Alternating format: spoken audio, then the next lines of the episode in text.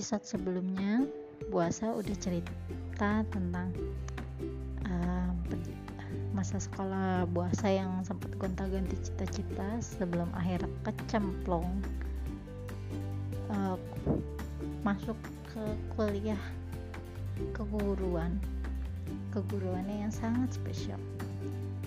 Yang dulu sempat saya sempat saya agak tidak sukai tapi sekarang saya cinta banget sama jurusan saya. Kenapa bisa begitu? Ayo kita dengarkan ceritanya. Yuk mulai.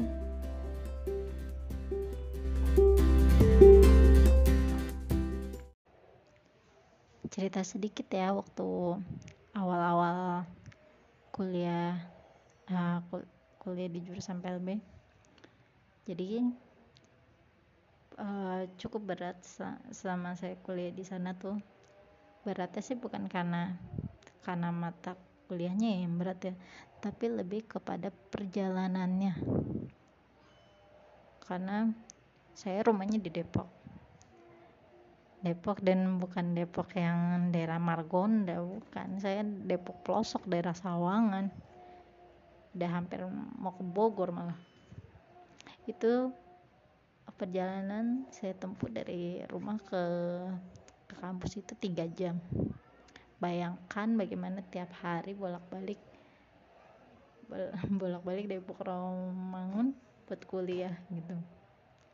Tapi pada zaman itu saya cukup tertolong sama yang namanya patas AC 84 karena ketika saya sampai di kota 84 itu saya bisa tidur dari Depok sampai sampai Rawamangun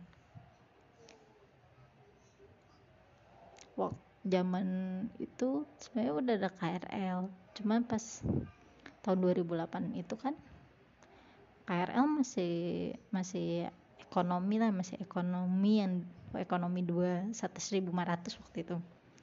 Ekonomi 1500 batas AC 6500 dan Express 9000 hmm. Bisa aja sih naik ekonomi. Cuman saya nggak tahan nggak tahan desek-desekannya kalau kuliah pagi gila aja.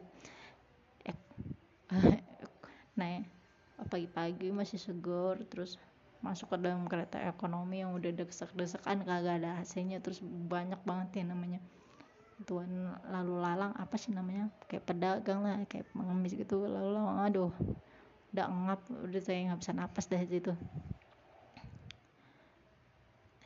uh, saya berani pul uh, naik kereta itu kalau misalnya ada temennya atau kuliah siang.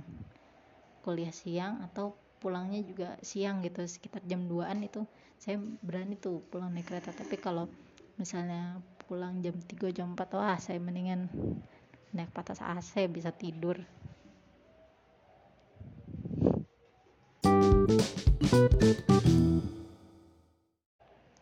Perkuliahan pun dimulai uh, awal perkuliahan itu kami dikenakan dengan berbagai jenis jenis apa sih namanya keunikan. Keunikan dari teman-teman disabilitas mulai dari A sampai E. Dan perkuliahan itu tuh nggak cuman dosennya menjelaskan aja menjelaskan ciri-cirinya lah. Cuma menjelaskan ciri-cirinya terus anak ini harus uh, kelebihannya apa kekurangannya apa nggak cuma itu. Yang paling menarik adalah ketika belajar di PLB itu kita itu bisa jalan-jalan ke semua SLB karena pasti misalnya nih uh, belajar belajar misalnya tentang tunanetra itu pasti kita harus observasi ke SLB nya langsung. Entah itu apa namanya uh, kayak kegiatan satu kelas gitu MOU dari dosen yang bikin bikin perjanjian apa sih kayak janji gitu izin kita mau observasi atau maupun kita berkelompok berkelompok gitu. Dan itu seru banget. Menurut saya itu seru banget kita bisa jalan istilahnya bisa jalan-jalan gitu sambil belajar di sana. Lalu uh, keliling dari satu SLB ke SLB lain mulai dari A waktu itu. Kalau yang SLBA saya pernah ke Tanmiat saya pernah ke pembina juga SLBB pernah ke pengudi luhur. Kalau Santirama belum pernah. Belum pernah ke Santirama tapi saya tahu Santirama karena dulu waktu kecil saya tinggal di daerah Cepete jadi saya tahu Santirama walaupun cuma numpang lewat doang. Dan SLBC SLBC banyak lah istilahnya. Cukup banyak SLBC ya, di mana-mana gitu sampai sampai akhirnya saya pun juga milih kekhususannya tentang C. D pernah pernah juga di kalau nggak waktu itu di IPAC terus E waktu itu di di daerah bambu apus. Terus pernah juga ke yang tunaganda di Pasi Gunung kalau nggak salah. Seru sih seru banget bisa keliling-keliling SCB sama, sama itu sih karena kita sering apa ya observasi dari satu dari satu SHB ke SHB lain ataupun yayasan untuk uh, orang-orang yang disabilitas lama-lama tuh kayak empati kita tuh lama-lama tuh tumbuh gitu. Saya tuh yang biasanya tadinya cuek bodoh amat terus apa ya saya tuh dulu mindsetnya udah jelek gitu tentang orang-orang yang uh, spesial gitu orang yang spesial tuh mindsetnya udah jelek pokoknya nih orang punya kekurangan udah nggak bisa diapa-apain gitu. Itu mindset awal saya pas sebelum di PLB tapi pas ketika saya masuk ke jurusan PLB mindset saya tiba-tiba berubah gitu. Berubah drastis uh, ternyata dibalik ke kekurangan mereka tuh pasti ada keunikan tersendiri dan pasti ada bakat yang bisa diasah dari mereka. Pasti mereka ada kelebihannya walaupun istilahnya yang sepele-sepele gitulah kayak misalnya beberes itu ternyata itu ternyata juga bakat juga loh. Bakat juga apa namanya? Ya jangan intinya sih jangan meremehkan kelebihan sekecil apa pun deh dari an dari orang-orang istimewa itu. Dan selama di sana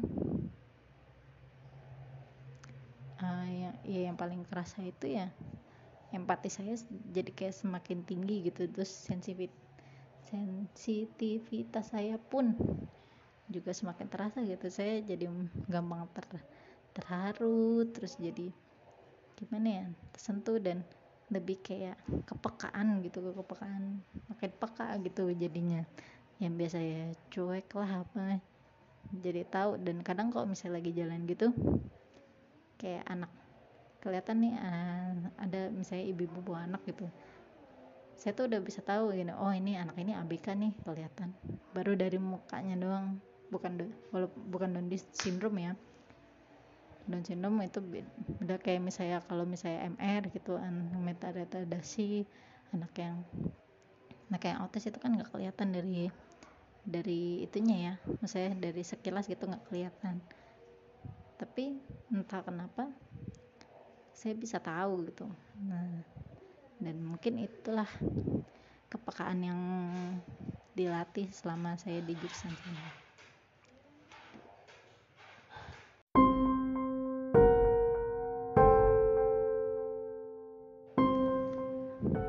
selama di PLB selain saya saya ngerasa menemukan jati diri saya saya pun menemukan sahabat-sahabat yang sangat penting dalam hidup saya.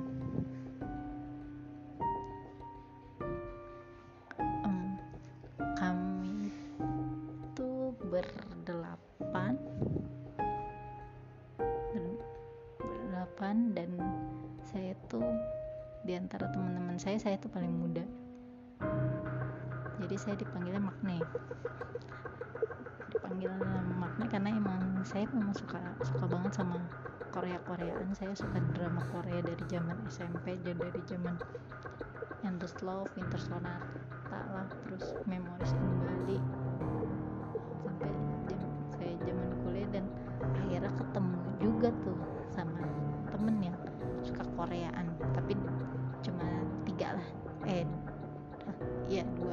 dua dua dua. Dua apa tiga dua. Dua dari dari delapan sahabat saya dan suka banget Korea. Jadi uh, kayak menemukan itu apa namanya? Kayak nyambung gitu. Kita untuk ngobrolnya nyambung. Terus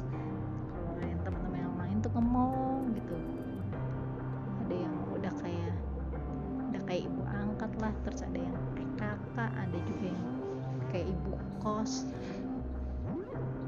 Ibu kos yang teliti.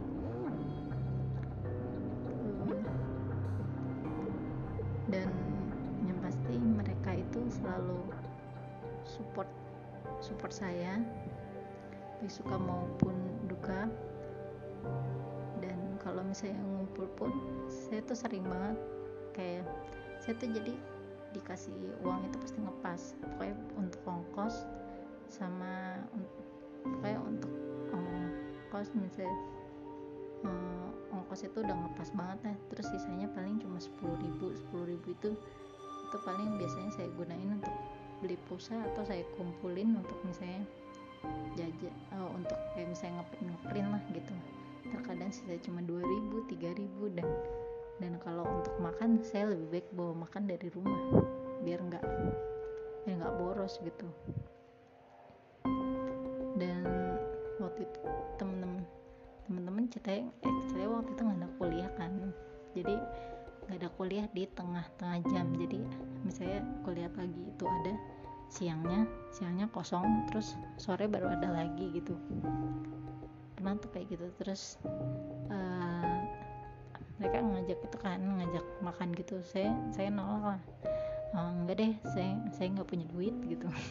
Saya nggak punya duit duit saya nggak pas banget. Buat buat ntar ongkos ntar saya nggak bisa pulang kalau misalnya beli makanan. Terus tiba-tiba mereka tuh kayak ya udah uh, apa namanya kita patungan gitu.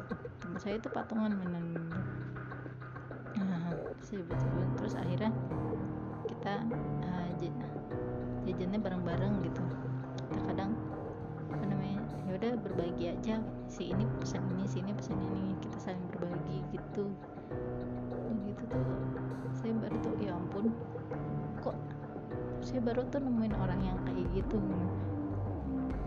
Kok mau sih nemenin saya gitu? Nemenin saya saya nggak nggak punya duit gitu ya saya nggak punya duit nggak nggak pernah jarang jajan terus saya tuh jam saya jarang jarang jajan jarang banget dah pokoknya jajan gitu. Prihatin banget hidup saya dulu tuh sekarang juga sih.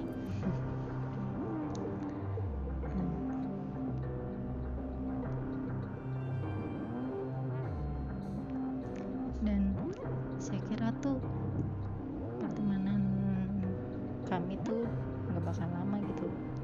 Maksudnya paling cuman sampai akhir semester atau paling bentar habis kuliah ya udah putus gitu aja gitu kan. Tapi ternyata masya allah deh masih awet sampai sekarang. Dari tahun 2008 sampai sekarang tahun 2020 berapa tahun? 12 tahun ya. Teman.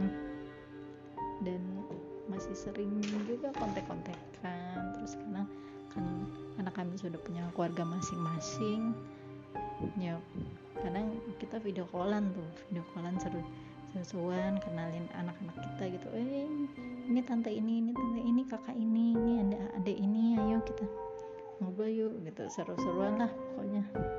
Sama mereka mengenang zaman-zaman kuliah gitu. Terus WAG juga WAG nya juga isinya tentang foto-foto zaman jahiliyah gitu gitu wah. Nggak bisa kayaknya nemuin teman sebaik mereka tuh untuk teman-teman teman-teman kuliahku yang kucintai I miss you. Setelah corona kita ketemu ya. Kita ngumpul bareng-bareng. Oke. okay?